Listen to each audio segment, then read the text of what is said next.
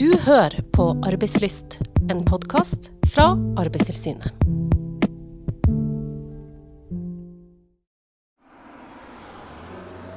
Det er en fin høstdag med sol og blå himmel et lite sted på Vestlandet.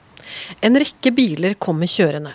De stopper et lite stykke unna målet, som er en avsidesliggende fiskefabrikk. De som går ut av bilene er fra statlige etater, som samarbeider for å stoppe arbeidslivskriminalitet. Nå er de på felles tilsyn for å kontrollere arbeidsforholdene på fabrikken. I en av bilene sitter Anne Orheim.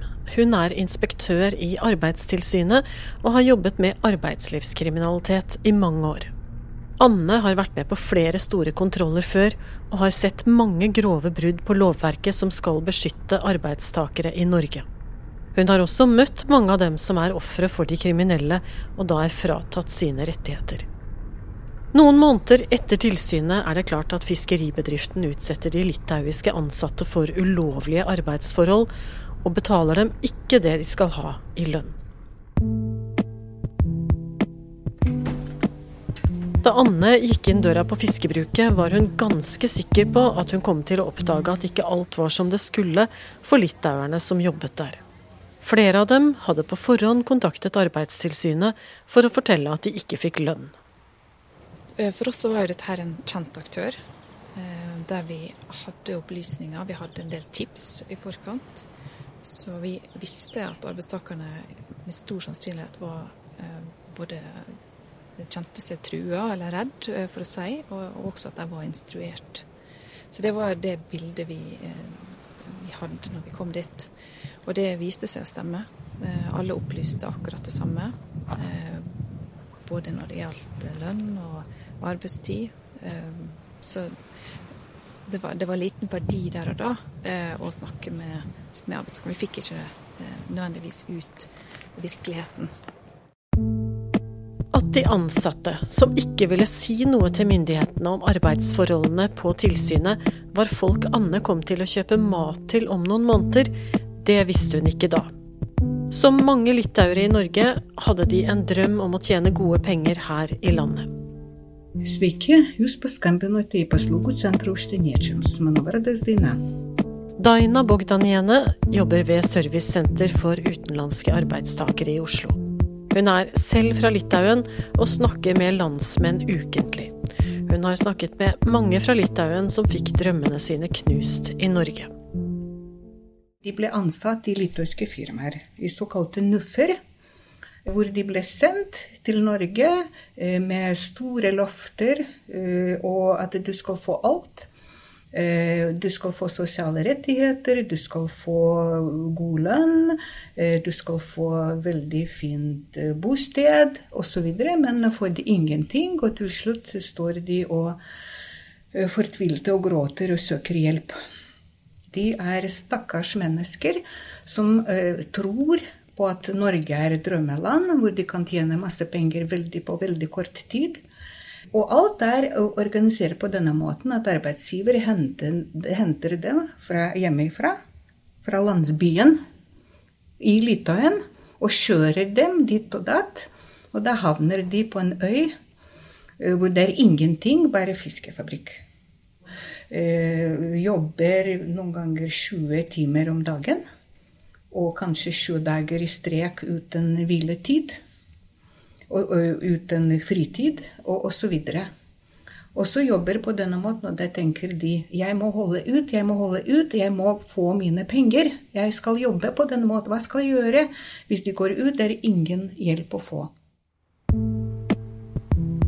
Tilbake til den solfylte dagen i vestlandsbygda begynner Anne å be ledelsen om dokumentasjon på arbeidstid og lønn. Det får hun ikke. Ja, vi fikk tidlige opplysninger fra ledelsen om at de ikke hadde oversikt over arbeidstida. At all stempling inn og ut var forsvunnet. Eh, både for daværende periode, men også tilbake i tid. Så det var utgangspunktet vårt. At vi, vi hadde ikke opplysning om at de dataene ville vi ikke få. og De hadde de ikke. Det er jo noe som virksomhetene skal ha på plass. Eh, det er jo det vi betegner som helt grunnleggende forhold som skal være på plass i en virksomhet, at arbeidsgiver sørger for at det føres løpende oversikt over arbeidstida. Da ville vi ha vansker for å både kunne kontrollere om de fikk allmenngjort lønn, og eventuell overtid. Men så viste jo det seg seinere, når vi ba om dokumentasjon, så mottok vi plutselig timeliste allikevel. Men det var da ikke under tilsynet, men i etterkant. Anne analyserer timelistene hun plutselig har fått tilsendt, og jobber med å få oversikten over arbeidstimer og lønninger. Hun sitter etter hvert med en omfattende dokumentasjon. Med tanke på de tipsene vi hadde fra arbeidstakere om at de ikke mottok lønn, eh, så var det ingenting på daværende tidspunkt som tilsa at eh, I hvert fall i dokumentasjonen som tilsa eh, at de ikke hadde fått det. Så det betydde at vi måtte grave enda litt dypere alle innrapporteringer til skatt stemte overens med det som sto på lønnsslippene. Men når vi da begynte å gå gjennom eh, bankutskrifter eh, og sette det sirlig opp i eh, et Excel-ark og sammenligne det her, så så vi at det var kanskje et mønster som begynte å åpne seg. Jeg møter Einar Håkås på Aker Brygge i Oslo. Han er journalist og forfatter. I boka 'Moderne slaveri' beskriver han grov utnytting av utenlandske arbeidere i fiskeindustrien. Menneskene som blir utnyttet her, har vært hans motivasjon for å skrive. Jeg vil si det at det er møtet med ofrene uh, har betydd veldig mye. For jeg har skjønt at her er det folk som står fullstendig utenfor lover og regler i det norske samfunnet og som blir utnytta gang etter gang etter gang. Eh, og som blir pressa til å ikke fortelle om hvordan de egentlig har det på jobben. Og, og, og må godta nesten hva som helst av lønninger og arbeidsforhold, og ikke minst boforhold. Boforholdene har jo vært helt ekstreme for disse arbeiderne. Nei, Vi snakker jo om at folk har betalt uh, per person 6000 kroner i måneden. ikke sant? Tolv personer inne i samme hus, som egentlig er ei rønne. Hvor den samlede husleien er på 72 000 i måneden. Vi har hatt 48 rumenere som var stua inn i, en, uh, i et hus oppe, på, oppe i Nord-Norge, uh, hvor alle har betalt over 6000 kroner i måneden. Det gir jo da en inntekt for denne fiskeribedriften på bortimot 300 000 i måneden. Altså I løpet av sesongen så tjener de jo kanskje opp mot en halvannen million bare på å leie ut bolig til arbeiderne. Bunken med dokumenter vokser foran Anne. Mønsteret som hun begynner å ane, blir tydeligere. Hun har både Arbeidstilsynets tilsynsrapporter, dokumenter bedriften har sendt, og de andre etatenes funn å gå igjennom. I arbeidet mot arbeidslivskriminalitet samarbeider som sagt flere etater. Dette samarbeidet blir avgjørende for Anne i denne saken. Det var ikke alle som eh, vi kunne eh, se hadde fått eh, lønn via bank. Og da begynte en å kontakte begynte vi å kontakte arbeidstakere eh, for å høre om de konkret hadde mottatt eh, lønn basert på det som var mottatt i forhold til både lønnsslipper og innrapportering. Og da viste det seg at de ikke hadde mottatt den lønna. Det her var tidkrevende arbeid. Og I tillegg var vi usikre på om de timelistene vi faktisk hadde mottatt, var riktige. Vi har jo erfaring med den aktøren fra tidligere, der vi har hatt eh, utfordringer med reell arbeidstid. Eh, så da tok vi også kontakt med Mattilsynet for å høre om de hadde gjort eh, observasjoner på tidspunkt utenfor arbeidstid. Altså utenfor normal arbeidstid. Og det hadde de. Så det viste seg da at, at Mattilsynet kunne legge fram dokumentasjon på at arbeidstakere var på jobb, når det ifølge timelistene var ingen som skulle ha vært der. Usannheter fra ledelsen om både lønn og arbeidstid ble avslørt. Heldigvis ga samarbeidet med de andre etatene resultater. Anne setter seg ned og lager en tilsynsrapport. Den blir innholdsrik. Arbeidstilsynet har tatt kontakt med enkelte arbeidstakere. Stikkprøver av innsendte timelister fra virksomhet sett opp mot timelister vi har etterspurt og mottatt av arbeidstakerne, viser avvik. Arbeidstilsynet legger til grunn at det ikke føres en løpende oversikt over hvor mye den enkelte arbeidstaker reelt arbeider. Dette er brudd på arbeidsmiljøloven paragraf 10-7. Stikkprøver viser at vi mangler bankoverføring for ca. 20 arbeidstakere, knytta til lønn i august. Arbeidstilsynet har tatt kontakt med enkelte av de ca. 20 arbeidstakerne. Det fremgår av timeliste at de har utført arbeid i august. Det fremgår av AA-melding at det er innrapportert lønn. Innrapportert lønn samsvarer med bruttolønn på mottatt lønnsslipp. Likevel får Arbeidstilsynet opplyst at de her tre arbeidstakerne ikke har mottatt denne lønna. Torgeir Moholt, du er vant til krevende etterforskningsarbeid etter mange år i politiet. Nå er du avdelingsdirektør for arbeidslivskriminalitet her i Arbeidstilsynet. Kjenner du igjen inspektør Anne Orheim som forteller om at det er tidkrevende arbeid det å avsløre dem som jukser? Anne gir en veldig god beskrivelse av det som er innholdet i a-krimarbeidet, og det jobber med arbeidslivskriminalitet. Det er ingen quick fix-løsning eh, for å håndtere det her som er et samfunnsproblem. A-krim er jo et fenomen, og ikke en paragraf. Eh, så det er jo et voldsomt mye innhold som skjuler seg bak begrepet. Og her er det ikke på måte å gå ut til en virksomhet, eh, slå ned og tro at du har løst utfordringer. Her er det betydelig forarbeid eh, som må legges til grunn.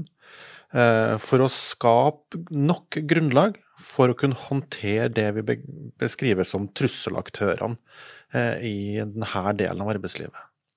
Hvis vi ikke tar oss den tida, så vil sakene bli så i hvert fall stå risiko for at sakene blir for lite opplyst, til at vi kan ha grunnlag for å nå det som er målsettinga, nemlig å ta de her aktørene ut av arbeidslivet, eh, kvitte oss med dem, eh, sånn at eh, arbeidslivet blir så trygt og godt som det vi alle sammen vil.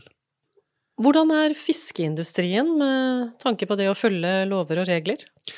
Fiskeindustrien kan vi si er på lik linje med alle andre næringer Eh, en, eh, en, næring som har hele spekteret. Eh, hvor Arbeidstilsynet har en aksje inn også i hele spekteret, fra dem som driver helt lovlydig, som følger alle lover og regler, men hvor skader selvfølgelig kan skje, og vi skal ha et fokus på HMS-delen, til de rene kriminelle som er kun ute etter profitt. Og i midten så har du det som vi på en måte har beskrevet som de useriøse, som eh, enten kanskje ikke forstår regelverket helt, eller eh, har litt vanskelig med å forholde seg til regelverket, hvor eh, med litt påvirkning vi kan dytte dem litt i riktig retning. Går det an å si noe om hvor stor andel som er kriminelle? Nei, det er vanskelig å peke på det. Og, og det her er jo litt av utfordringa med a-krim. Fordi at a-krim og kriminalitet er jo skjult aktivitet. Altså, det her snakker vi om aktører som ikke ønsker å være synlige Eh, som ikke ønsker å ha noe fokus på seg og sitt, som ønsker å leve i det skjulte. Og det å da ha en veldig klar formening om omfanget, er jo alltid krevende. Så det her er et arbeid som krever utholdenhet, det krever langsiktighet, og det krever at vi har medarbeidere som òg man har hørt i denne podkasten, som har denne kreativiteten, pågangsmotet, og som ikke gir seg ved første sverdslag, men som ser at her må vi grave litt mer, vi har noen antakelser, vi har noen tips, vi har noe kunnskap som tilsier at her må vi grave litt, og kanskje finner vi noe som gjør at vi kommer i mål til slutt. Så hører vi jo her da at eh, Mattilsynets kontroll, eh, som jo da handlet om selve maten, eh, den var med på å avsløre brudd i denne saken. Hvor viktig er a-krimsamarbeidet? A-krimsamarbeidet er jo helt vesentlig i forhold til å løse det som er det her samfunnsproblemer og samfunnsutfordringer. Mattilsynet er jo en av aktørene vi samarbeider med. Eh, så kan man jo si at a-krimsamarbeidet i all hovedsak handler om samarbeid mellom Arbeidstilsynet, politi, Nav og skatt. Men vi samarbeider også med flere andre, og Mattilsynet er en av dem som vi samarbeider med. Siden vi, som jeg sa i stad, at a-krim er jo et, fenomen som, og ikke en paragraf som dekker et stort spekter av lover og regler og etatets eh, virksomheter, så er man helt avhengig av det samarbeidet for å dekke over det problemet man faktisk har tenkt å løse. Vi kan se på det som ei kake med mange kakestykker. Og det er ikke noe problem for Arbeidssynet å fokusere ene og alene på sin lille kakestykke, som vi kanskje også løser, men da løser vi ikke utfordringa i stort. Skal man løse måte alle kakestykkene, så må alle etatene som har en aksje i det, være med å bidra med sin kunnskap og med sin verktøykasse.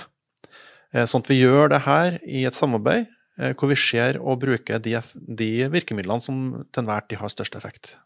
Så hører vi jo her om en aktør som vi har kjent til i mange år. Hvorfor kan ikke Arbeidstilsynet gå raskere inn og stoppe de kriminelle? Nei, jeg tenker at Det handler litt om det jeg nettopp sa. Ehm, det er ingenting i veien for at Arbeidstilsynet tar på seg skylappene og tenker kun på det som på det er vår eh, andel i det her, og si at problemet er løst.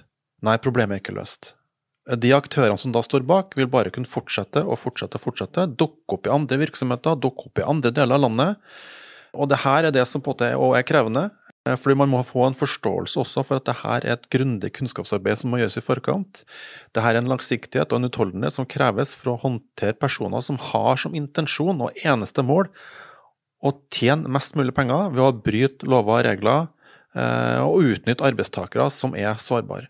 Det som er spesielt for fiskeindustrien, eller i hvert fall ikke, kanskje ikke spesielt, men som, hvor fiskeindustrien er en, er en stilling sammen med en del andre næringer, er at det er en stor andel sårbare arbeidstakere i den næringa. Utenlandske arbeidstakere som kommer inn sesongbetont, kommer fra dårlige vilkår der de eh, i, i utgangspunktet kommer fra, og er da utsatt for et press fra de her aktørene som setter dem under vilkår som vi andre ville ha reagert veldig sterkt på. Det å få satt søkelyset på det er kjempeviktig, men hvis vi som arbeidstilsyn helt isolert sett bare skal gå inn og gripe fatt i det som er vår del av utfordringa, og ikke ta hensyn til hvilke behov Skatt har, Nav har, politiet, Mattilsynet og andre, eh, så løser vi ikke problemet. Vi løser en flik av det, men vi løser egentlig ikke det som er den store utfordringa. Hva skjedde egentlig med litauerne på Vestlandet? Anne forteller altså at hun kjøpte mat til dem der de sto fortvilte uten en krone. Hun satte dem i kontakt med Nav for at de skulle få hjelp til å komme seg til hjemlandet. Det ble varslet over 15 pålegg i tilsynsrapporten, med stor variasjon i påleggene. Fra alvorlige lovbrudd om lønn og arbeidstid til ulike brudd på regelverk om helse, miljø og sikkerhet. Også andre etater fant straffbare forhold, én ansvarlig ble fengslet, og forhåpentligvis kan ikke de som står bak så lett starte opp på nytt. Vi skal sette fokus på en næring der hvor vi ser at det er sårbare mennesker som jobber. Vi skal ha fokus på et arbeidstakerperspektiv, og det er da vi som arbeidstilsyn gjør jobben vår. Jeg heter Elin Solvang Hjelmen. Du har hørt Arbeidslyst, en podkast fra Arbeidstilsynet.